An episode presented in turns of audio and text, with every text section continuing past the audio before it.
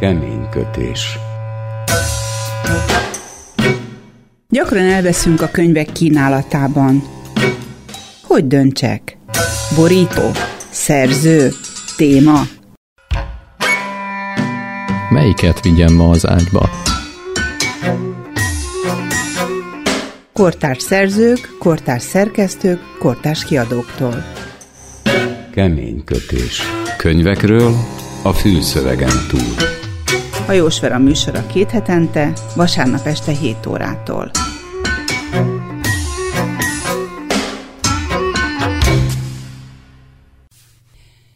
Szép jó estét kívánok! Hajós Vera vagyok.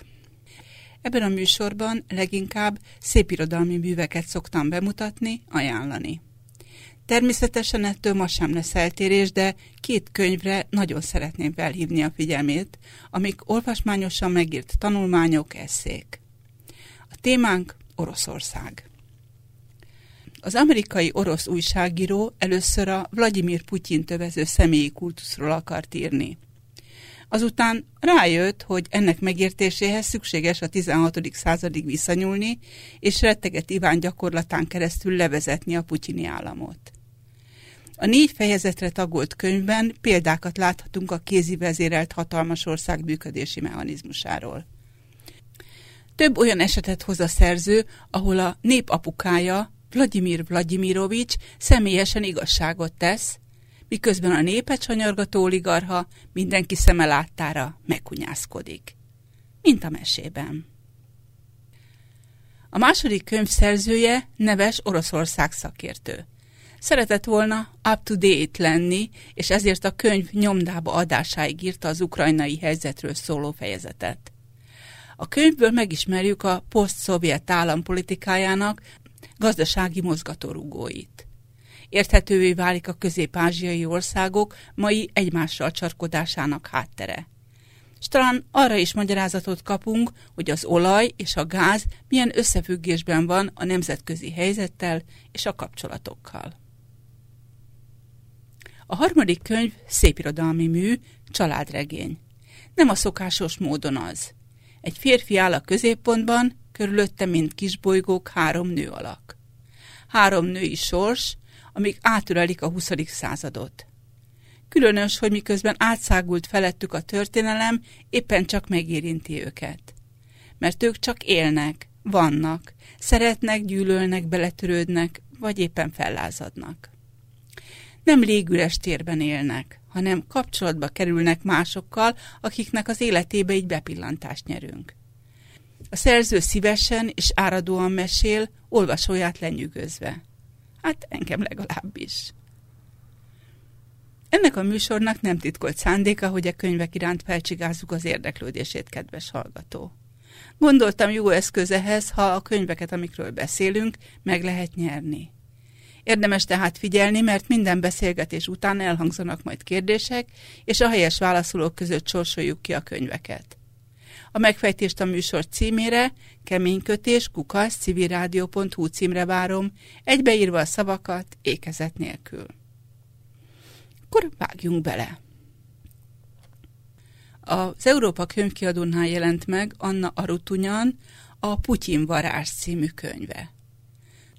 Dr. Gecse Géza történésszel beszélgetünk. Szokták mondani, hogy orosz lélek, hogy szentimentális az orosz ember. Hát szentimentális, és olykor pedig olyan agresszív, hogy az ember megundorodik tőle. Ez a kettő egyszerre jelentkezik. De nagyon végletes tud lenni egy orosz ember. Oroszországban a szélsőséges nacionalizmus és a nihilizmus azért néha váltogatja egymást. Tehát ezek, ugye, ezek azok a végletek, amelyek demokrácia keretei között érvényesülni tudnak. Van ebben a könyvben egy történet arról, hogy Putyin egy időben a televízióban évente egyszer tartott egy önök kértékszerű műsort, csak itt konkrét kérések voltak. Nyugdíjamat rendezzék végre, vagy hogy eltört évekkel ezelőtt a fűtéscső, és azóta se csinálták meg. Amit a hivatalnak, a struktúrának kellene elvégezni, a Putyinhoz fordultak, és telefonált egy kilenc éves gyermek, hogy ők nagyon már nyugdíjából élnek, és nagyon vágynának egy olyan ruhára, mint ami a hamupipőkének van. Putyin elmosolyodott. Egy ilyen fontos szituáció, hogy a Putyin a televízióban elmosolyodik. Ez a hivatalos, ez a szigorú arc, ami állandóan látunk, az ott egy pillanatra feloldódott. Hát ez a, ez a szigorú atya. Hagyományai vannak az orosz történelemben már a cárok idején is, de főként a bolsevik rendszer volt az, ami valamiféle társadalmi kontroll jelentkezett, akkor az a pártszervezet volt, az volt a mindenható. Az állami intézmények azok a pártszervezetnek és az akaratnak alárendelve működtek. Pártitkár volt a politikai vezető az, amelyik el tudott valójában intézni dolgokat, és ahhoz mondjuk a spanyol falat biztosította az állami intézményrendszer, főként a 30-as évektől, amikor ez egy kicsit megszilárdult, mert a 20-as években még nem lehetett tudni pontosan azt, hogy mi és hogyan fog működni. Leninék nem titkolták, hogy ez a kisebbségnek a diktatúrája, tehát proletár diktatúra. Az emberek közül a társadalomban nagyon sokoknak ez nem fog tetszeni. A terror az utána kezdődött, amikor a régi bolsevik vezetésnek a 98%-át fizikailag megsemmisítették, és nem csak a legfelsőbb vezetését, hanem ugye a középkáderekét is. Egy ekkora elitcsere nem zajlott le sehol. Putyin mikortól van? Putyin 1999. szeptemberétől van.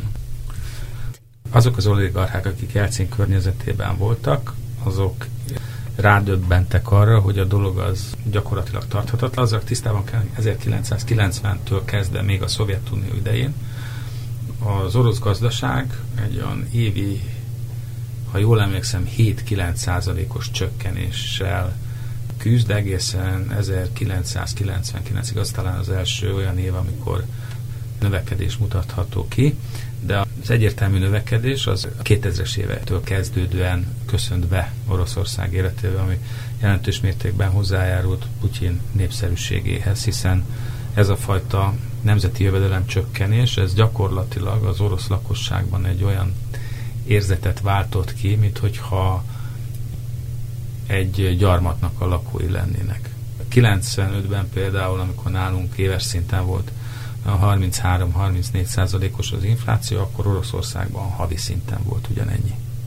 Ez azzal a következménnyel járt, hogy az egyetlen normális és elfogadható mondjuk fizetőeszközé a lakosság körében az amerikai dollár vált Oroszországban, több volt a dollár Oroszország területén, mint az amerikai Egyesült Államokban, mert meg a bankrendszer akkor még nem volt olyan szintre fejlesztve, mint ahogy akkor az amerikai Egyesült Államokban. Áru ellátási panaszokkal nem találkozhatunk. 92-től az úgy nagyjából megszűnt, tehát szabaddá vált a piac Oroszországban. Ez a induló Putyinnak nagyon kedvező lehetett. Ki tudtak keveredni ebből a gazdasági vagy pénzügyi válságból. Mitől tart a népszerűsége? Csecsenföldi háborút azért ne felejtsük. Az a 90-es évek folyamán oly mértékben tartotta a rettegésben egész Oroszországot, hogy mondjuk egy ekkora létszámú népesség esetében nem volt logikus. Ez azt mutatta meg, hogy nem attól függ, hogy egy népnek mekkora a lélekszáma, hogy mekkora félelmet tud kelteni egy akkora hatalomban, mint Oroszország, Moszkvában például, hanem annál sokkal, de sokkal nagyobbat. Na ezt a válságot, ezt Putyinnak 2000 januárjára valamennyire sikerült korlátok közé terelnie. 2000 tavaszán már megnyerte a választásokat. Azt lehet mondani, hogy mellé álltak az emberek, és azóta a népszerűsége folyamatos. 1999-es év az Oroszország történetében katasztrófaként jelent meg külpolitikában Szerbiát a NATO bombázó pravoszlávok és ortodoxok, a szerbek, ráadásul volt és van egy nagyfokú szimpátia Jugoszláviával, illetve pontosabban Szerbiával kapcsolatban. Részben azért is, mert Jugoszlávia olyasmi állam alakulat volt kicsiben, mint a Szovjetunió nagyban. Csak itt a pravoszláv ortodox népesség az a szerbek voltak, és a többiek azok más vallásúak. Tehát ez egy nagyon ellentmondásos dolog, hogy ugye a horvátok is szlávok, de katolikusok, és ugye ez a szláv szimpátia, pravoszláv szimpátia azért az orosz nemzettudatban azért valamennyire össze. 99-es NATO bombázásoknál Jelcén megígérte, hogy ledobják az atombombát a nyugatra, de aztán erre végül is nem került sor.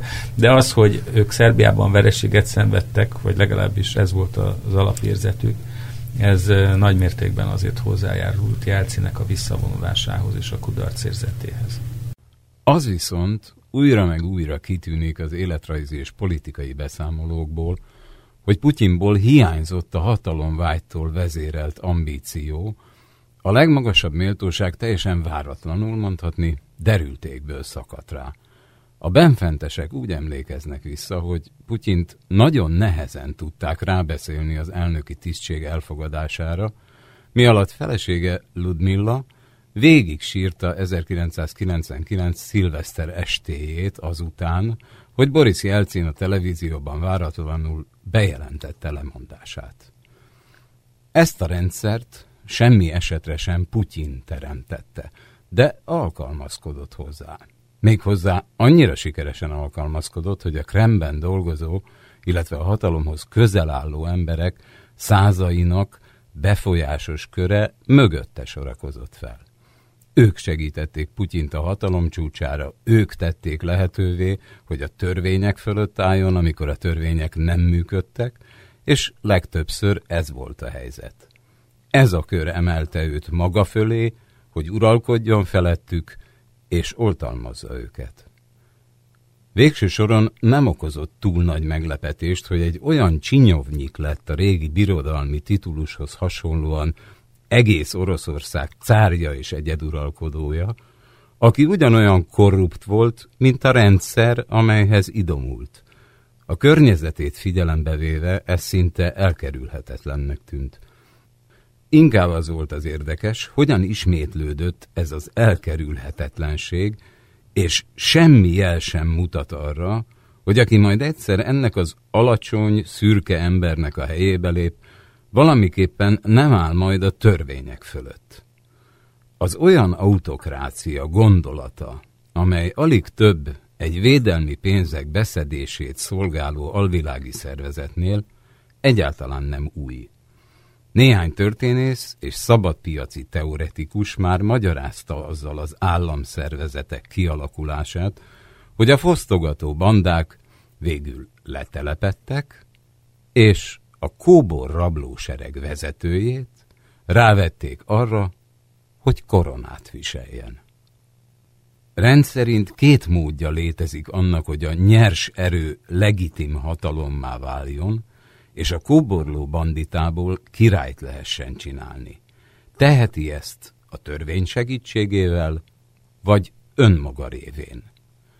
Az orosz hatalom általában arra törekedett, hogy önmagán keresztül legitimálja uralmát, de a poszt-szovjet Oroszországban már mind a két megközelítés tapasztalható volt. Mind a kettő úgy működött, mintha a másik nem is létezett volna, és mégis Mindegyik a másik segítségére sietett, ha szükség volt erre. A NATO bővítéssel kapcsolatos hagyományos orosz álláspont fennmaradt még Putyin hatalomra kerülése után is. 2011. szeptemberre után változott meg ez a helyzet, amikor az Amerikai Egyesült Államok elleni terrortámadás bekövetkezett, és a Csecsen ügyet és az Alkaida elleni Putyin összekötötte, és visszavonult a NATO bővítés ellenzésétől, ami tartott egészen 2003-ig, amíg az Amerikai Egyesült Államok Irakban be nem avatkozott. Az oroszoknak ilyen szempontból igazuk volt, hát nem volt ott mit keresniük az amerikaiaknak. Hát találtak nukleáris létesítményeket Irakban. Az oligarchák közül azok, akik nem akartak beállni a sorba, azok olyan sorsra juthattak, mint Hodorkovsky, aki ráadásul politikai szerepet is szánt magának. Máig nem tudjuk pontosan, hogy mondjuk milyen okok miatt kellett, hogy lecsukják, de lecsukták, és azt hiszem, hogy idén tavasszal engedték szabadon. Putyin személyesen engedte el. Gondolom a Szocsi Olimpia is hozzájárult. Szebbik arcát mutassa Oroszország. Putyin mutatja néha a liberális arcát is, mert van neki olyan is. Mitől őrizhető meg ez a népszerűség? Az egyik ok az, hogy gazdaságilag, rendben, van, rendben van az ország. Szeretjük. Vidéken, faluhelyen is érződik? Érződik, mert ugye megkapják az emberek a nyugdíjukat, amit korábban nem biztos, hogy megkaptak legalábbis időben. Nem fáznak, nem fagynak meg, nem dideregnek, meg tudnak vásárolni mindent, de igazán jól a két fővárosban, Moszkvában és Szentpéterváron élnek az emberek. Ott például a bérek sokszorosát teszik ki az átlag Oroszországinak. Hogyha valaki ma Oroszországba megy, és Moszkvában vagy Péterváron jár, akkor egy csalóka összkép fogja fogadni. Infrastruktúrális hiánya óriásak az országnak, nincsen egy normális autópálya, most építik a Pétervárat és Moszkvát hát összekötő autópályát, ennek egy része kész van, de nem tudom, már több éve építik, van, ahol már régen felépítették volna. Vannak olyan utak, amik csak, télen. Akkor fagy meg a tajga annyira, hogy át lehessen rajta menni. Erről az interneten egyébként képeket lehet találni. Valahol mostanában hallottam egy politológusnak az előadását, hogy valahogy a kelet-európai országok nem érzékenyek a szabadság eszmére. Hogy van ezzel Olaszország? Ez összetett, mert 200 évenként pardére hánynak mindenki. Felgyorsult a világunk, most régen lassabban történtek a változások, most azért gyorsabban. Ott van a retteget Iván korabeli Oroszország, ott van a tatárjárás előtte, még náluk 300 évig tartott. Utána, azt hiszem, hogy évente növekedett Oroszország, amikor a csendes óceán felé terjeszkedett, eljutott egy száz év alatt. 33 ezer négyzetkiló, évente annyit, akkora volt a terjeszkedése elképesztő mértékű expanzió. Volt a 17-es nagy földindulás, amikor gyakorlatilag lemészárolták az egész addigi elitet, amiben persze azért az addigi elit is jelentősen hibázott, és itt van a perestroikának az időszaka, amikor teljesen másfajta körülmények között, de megint egy ilyen nihilista tradíció kerekedett felül. Szkeptikus vagyok, amikor az oroszokról azt mondják, hogy ők ilyen cáratyuska hívők, mert sokan vannak közöttük, akik cáratyuska hívők, lehet, hogy az országnak még most is a többsége, akik a városokban élnek. Pont a legutóbbi 2012-es elnökválasztás mutatja azt, hogy azért jelentek meg már olyan jelöltek is, valamekkora kihívást intéztek Putyinhoz. Van egy olyan fejezet, a cáratyuska jó, csak a bolyárok rosszak. Az oligarchák a, a gonoszok, akik tönkreteszik az országot, de azért vannak jó oligarchák is. Hát, hogyha a szlavofiltamból indulunk ki a 19. század 40-es éveibe, akkor ők le is írták azt, hogy tulajdonképpen a cár és a nép között a nemesség, az elnyomó apparátus az egy ilyen nyugati újítás, ennek el kéne tűnni. Teljesen feleslegesek, nincs rájuk szükség. Hát az első igazán népszerű, mondjuk így, hogy társadalmi értelmiségi mozgalom az erről szólt, és hát az anarchizmus ennek a nyomdokain eljutott odáig, hogy el kell tüntetni nem csak ezt a középső osztályt, hanem a felsőt is, a cáratyuskát. Az egész narodnyik mozgalom az egyik legnépszerűbb a 19. században. Oroszországban megjegyzem, ez is a nihilista tradíciónak a része. Dr. Gecse Géza történésszel beszélgettünk Anna Arutunyan a Putyin varázs című könyvéről. Ha szívesen megnyerni a kötetet, akkor arra a kérdésre válaszolni, hogy mi a kereszt és apai neve Putyinnak. Megfejtését a keménykötés kukaszcivirádió.hu címre küldje, egybeírva a szavakat ékezet nélkül. Létyát, ó,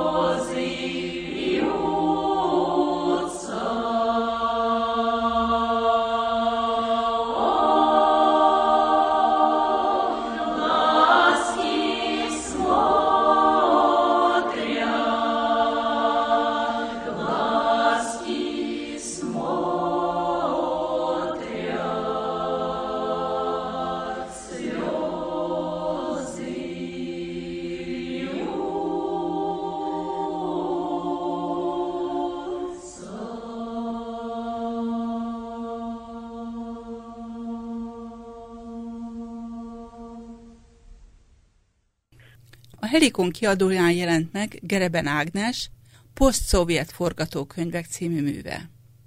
A szerzővel Gereben Ágnessal beszélgetünk.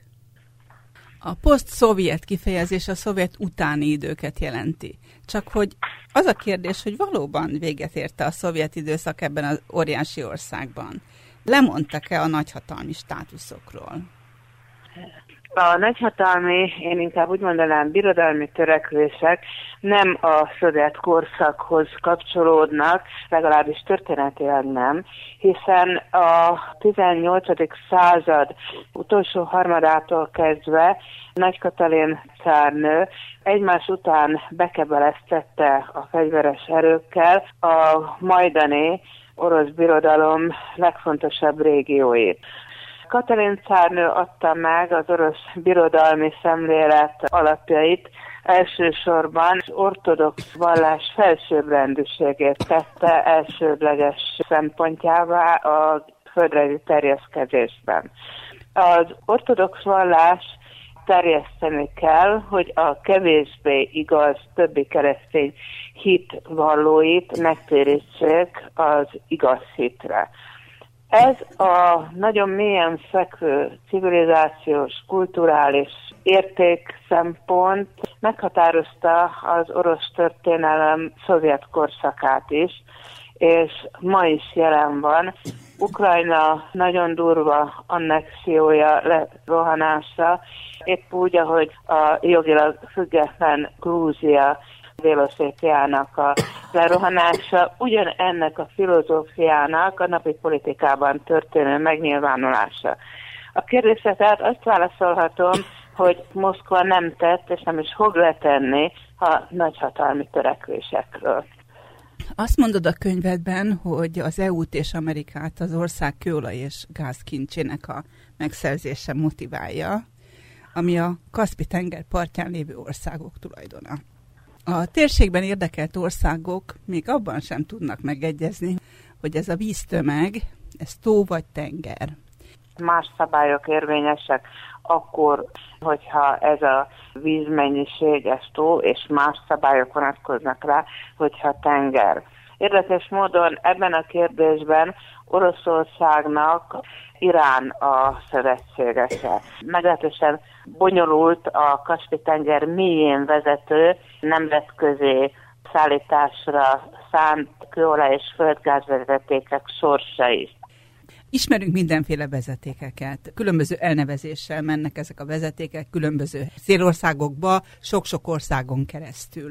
Borzasztóan izgatja Európát, hogyan jut el hozzá, hogyan lenne ez a legbiztonságosabb.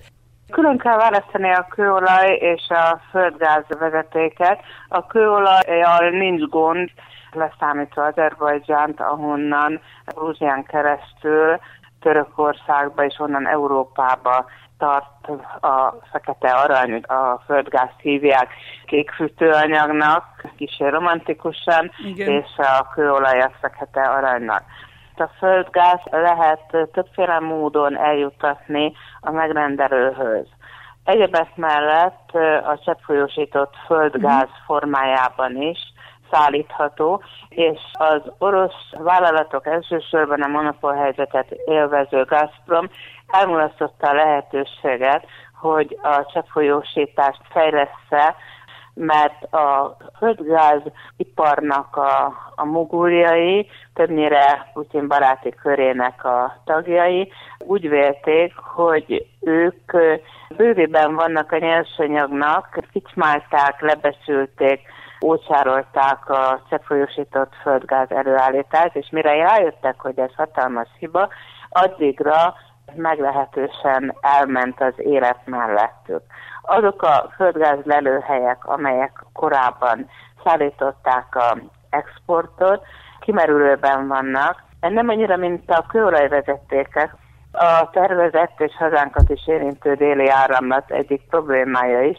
Itt négy leágazást terveznek, amelyből maximum kettőnek tudnák az ellátását biztosítani, és ez bizony megegyezik a már korábban európaiak számára mindig félelmetes orosz-német megállapodás alapján megszületett északi áramlat esetében történt. Ott is négy ágat terveztek a tenger mélyén, kikerülve a balti államokat, Skandináviát, Lengyelországot a tranzittal, megfosztva ezeket az országokat a tranzitdíjtól, de nem tudtak csak két ágat beindítani, ellátni a kék fűtőanyaggal, és a második ágban már nagyon kevés jut. Mindazonáltal a moszkvai propaganda azt hajtogatja, hogy lesz harmadik és negyedik. Ugyanez a helyzet a déli áramlattal.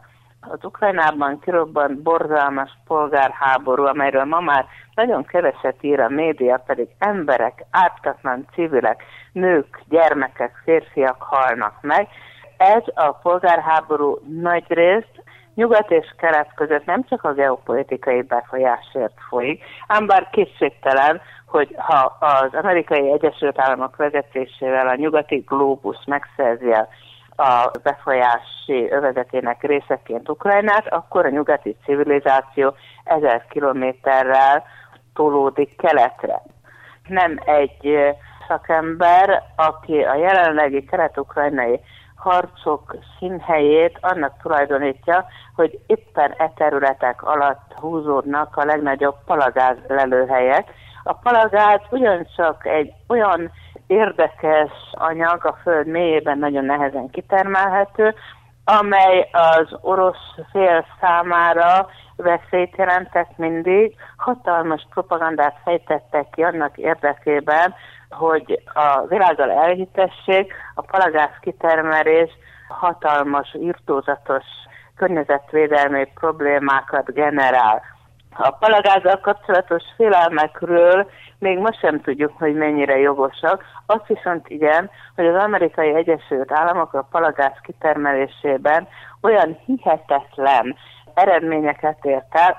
Washingtonban arról gondolkodnak, és az Obama elnök mellett tébláboló, gazdasági, befolyásoló tényezők abba az irányba hajlítják az elnököt, hogy bizony most már Amerika exportálni fogja a palagázt. Tudomásom szerint Nagy-Britanniában és Nyugat-Európa szélső pontjain már épülnek ennek fogadásához szükséges állomások. 2011-ben voltak tüntetések, olvasom a könyvedben, de ezeknek nem volt vezetője. Nincsen alternatíva a Putyinnal szemben. Putyin a maga KGB-s módszereivel, gyökereivel ezt megakadályozza minden áron. A 2011 végén kitört tüntetések oka az volt, hogy a Kreml szembeszökően elcsalta csúnya szóval a törvényhozási választásokat, a regnáló elit számára a voksolás eredményénél is lényegesen nagyobb gondot jelentett a 2011. decemberében tapasztalt választási csalások ellen a hatalmas ország száznál több városában, ekkor még feltehetően spontán kirobbant tüntetés sorozat. Már csak azért is, mert az orosz ortodox civilizáció hagyományos értékrendjére épülő társadalomban az egyes embert semmilyen érdekérvényesítésre alkalmas intézmény nem kötötte össze a hatalommal, amely éppen ezért sem a cári, sem a párt főtitkári időkben, de csak a szavakban létező plurális demokrácia két évtizede alatt sem tudott sokat kezdeni a népharaggal. A Romanov dinasztia uralma alatt az utcára vonuló tiltakozók ellen a hatóságok kirendelték a csendőröket meg a katonaságot, és ahol lehetett, a fennmaradt titkos dokumentumok szerinti felsőbb utasításra, zsidóveréseket szerveztek. A szovjet korszakban kirobbant véres gulák felkeléseket, etnikai konfliktusokat és éjséglázadásokat az államhatalom fegyveres képviselői szintén óriási erővel leverték, vezetőiket börtönbe zárták. A borzalmas ellátás miatt 1962-ben kitört, és a Hruscsovi vezetés tagjai között páni félelmet kiváltó Novocserkasziki felkelés irányítói közül hét szerencsétlent ki is végeztek. Nem véletlen, hogy Putyin elnök már több ízben ellátogatott a Novocserkaszki áldozatok emlékművéhez, hogy demonstrálja együttérzését a leszármazottakkal, és kifejezésre juttassa a szovjet politikai kultúrában emblematikus üzenetet hordozó elhatárolódását a történtektől. A Putyin-kör a 2011. decemberi választás óta a világsajtóban létjogosultságot nyert kifejezéssel a Putyin klán, nem élhetett a Novocserkaszkihoz hasonló megtorlásokkal. Részben, mert az elit és tágabb holdudvara benne a rendszer főtámaszának számító oligarha réteg már túlságosan mélyen beágyazódott a világgazdaságba, és bármilyen erőszakos leszámolás esetén joggal tarthatott a nyugat súlyos politikai és főleg gazdasági retorziójától, a külföldön vezetett számlák befagyasztásától kezdve a beutazási engedélyek megtagadásáig. Ezt a veszélyt jelezte Hillary Clinton, amerikai külügyminiszter órákkal a 2011. decemberi állami Duma választás után elhangzott fenyegető kijelentése, miszerint kormányát komolyan aggasztják az orosz parlamenti választások, amelyek se szabadok, se igazságosak nem voltak könyvfesztiválon azt mondtad, hogy Putyin Ukrajna politikáját az oroszok 90%-a támogatja, és retorziótól tarthatnak azok, akik nem támogatják ezt a politikát. Volt már, akit a parlamenti mandátumától fosztottak meg, másokat az állásuktól. Mindenképpen erőszakkal fogadtatják el Oroszországon belül az elfogadhatatlant, vagyis azt, hogy egy szuverén államot katonai erővel megtámadtak, és elfoglalták a területét. Történeti jogra hivatkoznak, ami mindig veszélyes dolog, mindig két élő, vagy még annál is több élő, de tény, hogy 1953-ig a Krim-félsziget az oroszországi föderáció része volt, akkor ajándékozta Hruscsov az ukrajnai pártvezetőknek, hogy megszerezze a támogatásokat. A Stalin halála óta akkor eltelt pár hónapban folyó hatalmi harcban. Ez sikerült is neki. Szuverén ország részét foglalták el, a zöld emberkék, azok a rangjelzés nélküli zöld ruhába bújt emberek, akiket hát ma már tudjuk, bár akkor is tudtuk, az orosz felderítés tisztjeiből állítottak össze. Volt ez a narancsos forradalom, amint följött a Julia Timosenko. Könyvben engem nagyon meglepett az ő szerepe, egy egészen más karakterrel találkoztam, mint amit én a újságokban vagy a televízióból tudhatok. Sajnos az a baj, hogy Juszcsenko, akit 2004-ben valamennyien nyugatosnak hittünk, jó magam is, a szomszédos országok elnökei, miniszterelnökei Kievbe siettek, hogy a demokrácia győzelmének vélt narancsos forradalomban Juszcsenko elnök mellé álljanak. Nagyot tévedtek. Magyarországon is azt látjuk, hogy a demokrácia szót konkrét és a demokráciától távol álló politikai célok érdekében használják, és használják ki egymástól egészen eltérő csoportok. Ukrajnában is ez a helyzet. Önállóvá vált Ukrajna történetének negyed századában, 350 év orosz uralom után Szovjetunió szétesése tette lehetővé, hogy Ukrajna nemzetállam, önálló, szuverén állam legyen.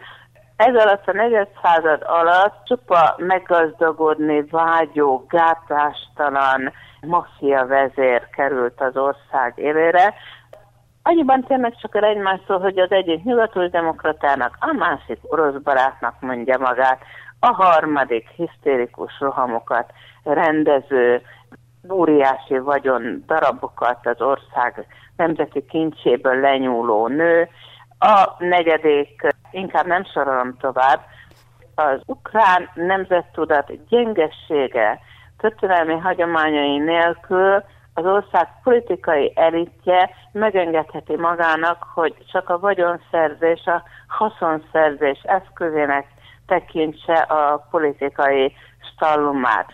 Rövid önálló történetének két elnöke is van, aki börtönbe került, az egyik egy amerikai börtönben most töltötte le 8 éves büntetését pénzmosás miatt, a másik pedig Julia Timoshenko szintén börtönben töltött meghatározó időt. A szovjet érdekszféra országainak történetében kevés olyan politikus van, aki annyi aljasságot követett el a vagyonszerzés érdekében, mint Julia Timoshenko.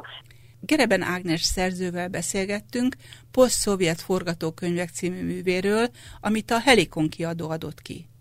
Ha szívesen megnyerni a kötetet, akkor arra a kérdésre válaszoljon, hogy miért olyan fontos a Kaspi-tenger geopolitikailag.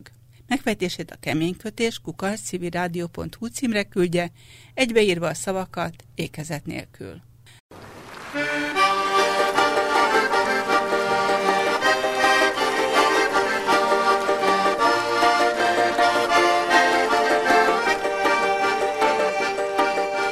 Шли, шли два брата с турецкого фронта, с турецкого фронта домой. Лишь только приступили мы польскую границу, ударили поля три раза.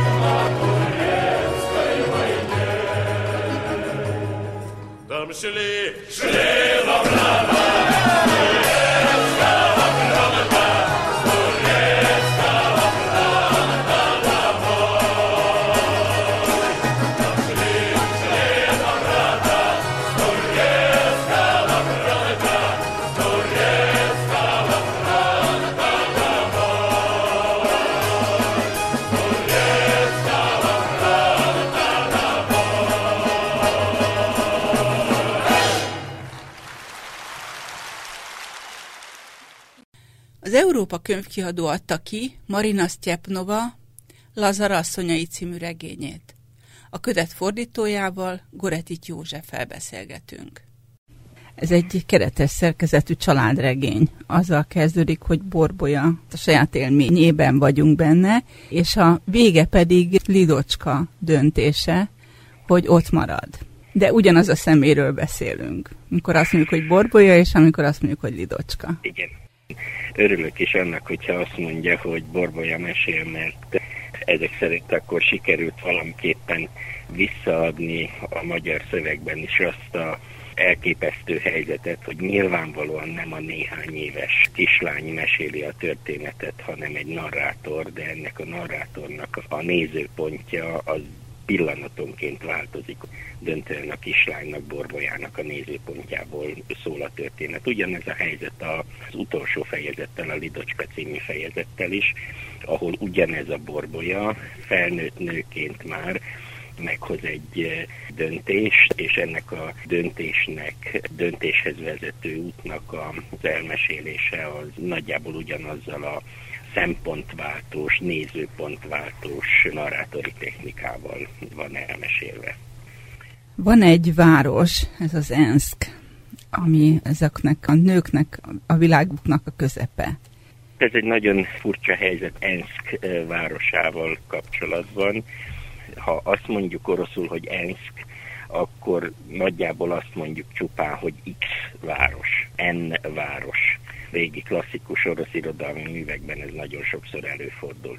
Természetesen ilyen nevű város nincsen Oroszországban, viszont többé-kevésbé beazonosítható ez a város.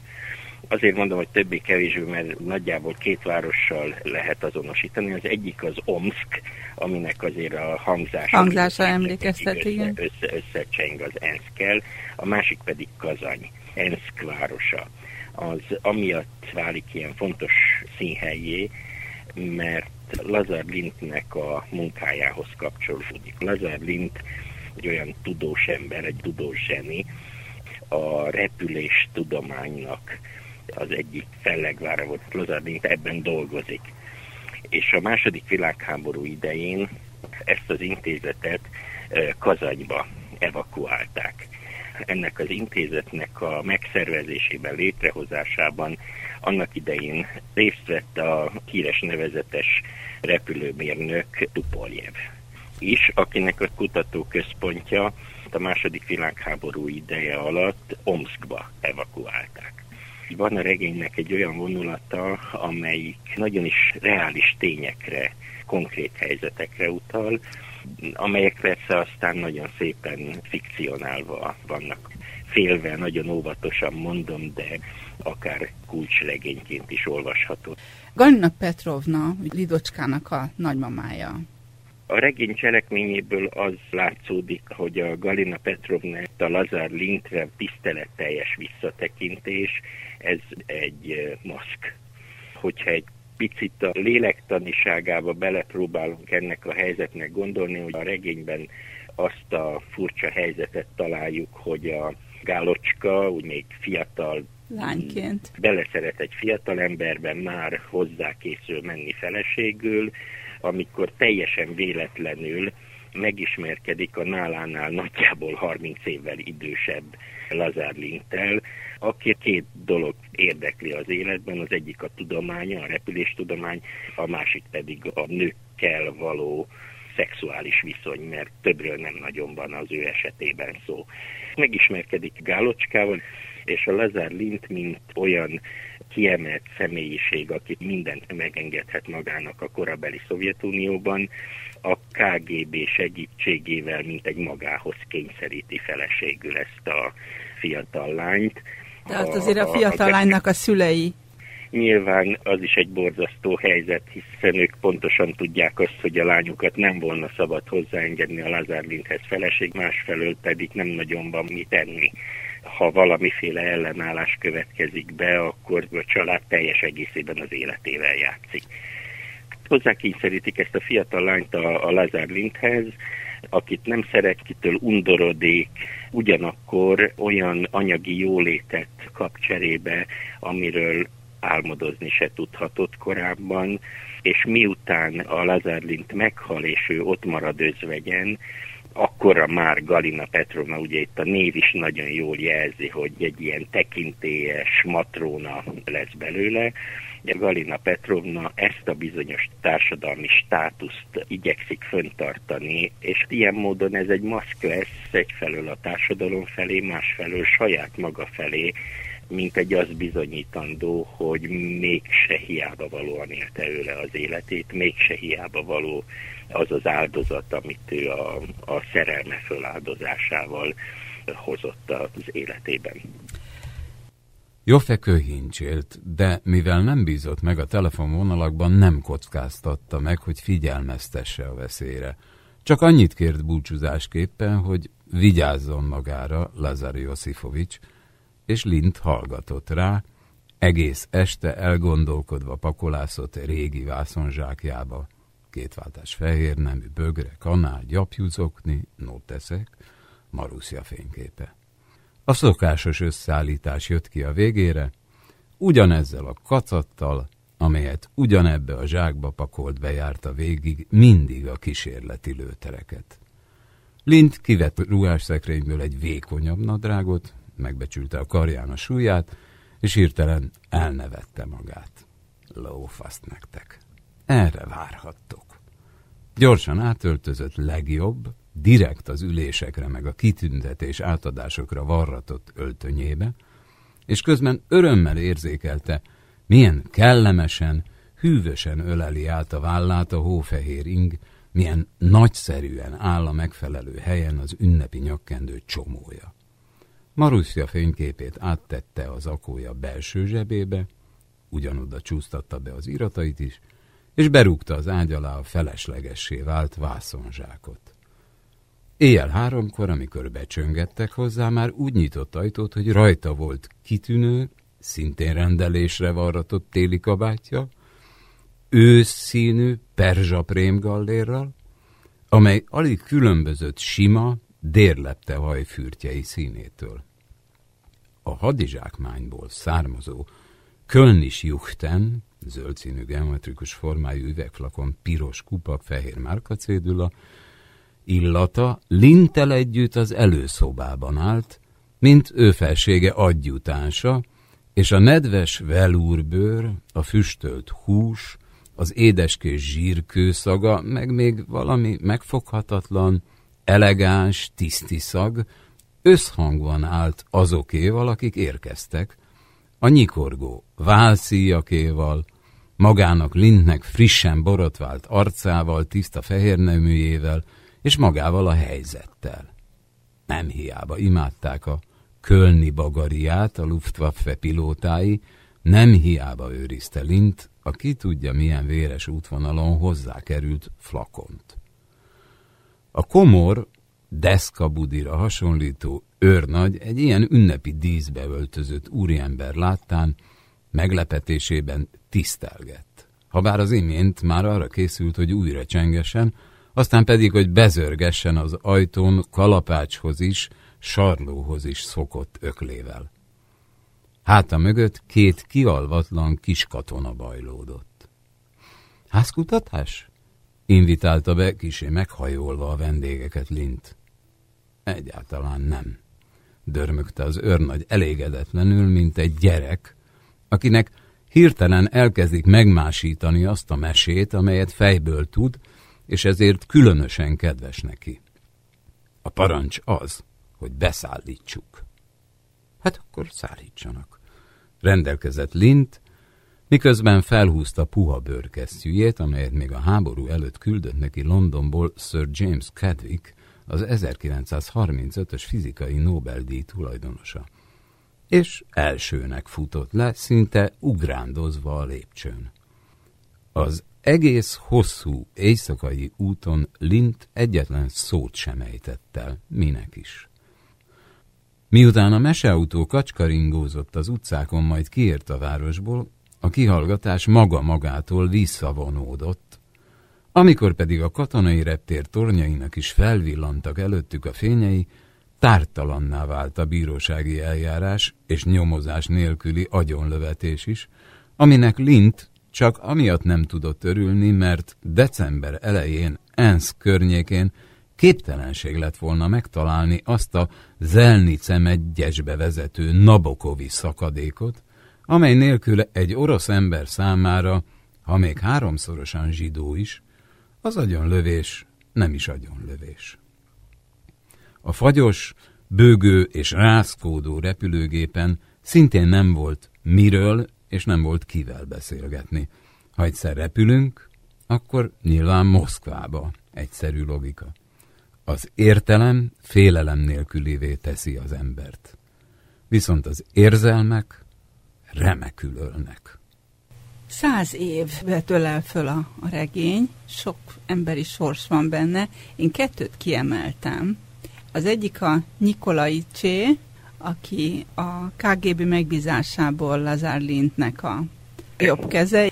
A másik pedig a Lidocska régi lakásában lakó Carjovék. Azért vettem őket, mert mind a ketten speciális élettörténettel vannak jelen a könyvben. Azt gondolom, hogy különösen a Nikoláics alakja, az van mégiscsak jobban kidolgozva ebből a kettőből.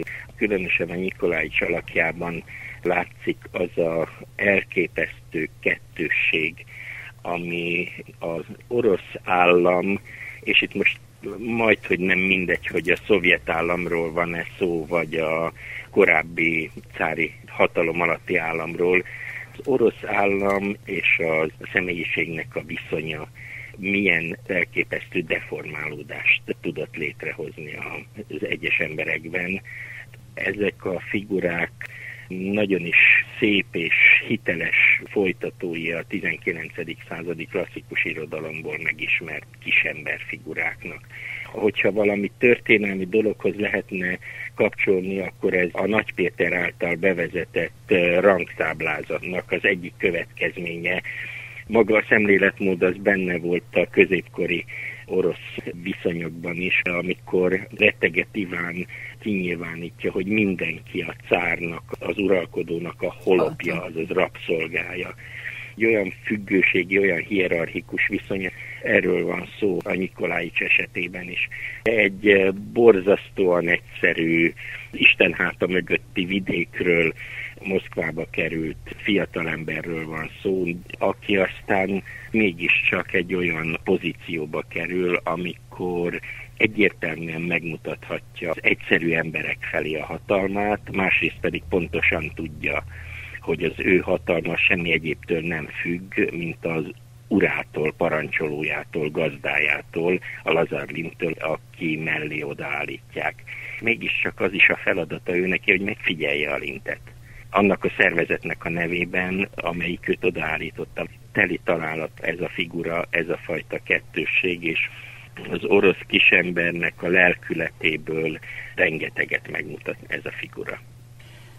Tudom, hogy a főszöveg a kiadónak a privilégiuma, de azt olvasom, hogy új orosz világsztár születik.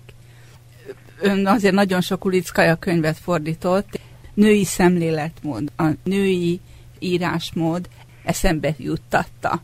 Nem csak a fordító személye miatt, hanem a nyelv hasonlósága talán.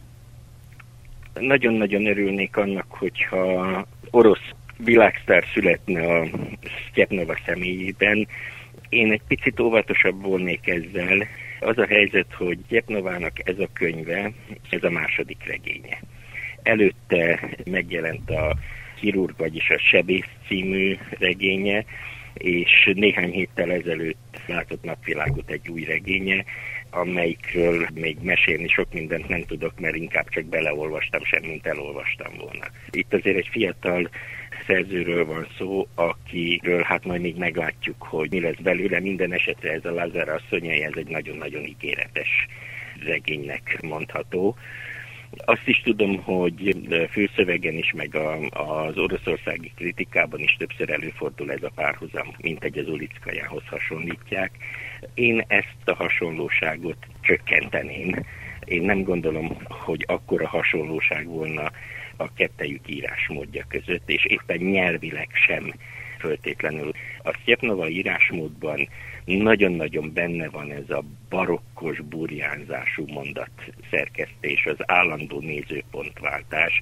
Ulickaja esetében egy sokkal mondjuk úgy letisztultabb elbeszélői módot találnék. A másik nagyon-nagyon különbözik, hogy Ulickaja esetében bármiféle kisemberről is beszélünk, aljasságot, bűnt, akármi bajt elkövető emberről is beszélünk, mindig ott érződik egy nagyon erőteljes, megbocsátó szemléletmód. Szjepnova ebből a szempontból keményebben bánik, keményebben ítélkezik hőseivel vagy hősei fölött, úgyhogy én ebben a két dologban mindenképpen nagy különbséget látok. Goretit József fordítóval beszélgettünk Marina Sztyepnova Lazar asszonyai című regényéről, amit az Európa könyvkiadó adott ki. Ha szívesen megnyerni a kötetet, akkor arra a kérdésre válaszoljon, hogy a keretes történet elején és végén hogy hívják a szereplőt. Megfejtését a keménykötés kukaszcivirádió.hu címre küldje, egybeírva a szavakat ékezet nélkül. A könyvekből Pogán György olvasott felszemelvényeket. A zenéket Cserhalmi Ákos választotta. Ne felejts el, két hét múlva újabb könyvekkel jövök. Kemény kötés. Könyvekről a fűszövegen túl. Hajós Vera műsora két hetente, vasárnap este 7 órától.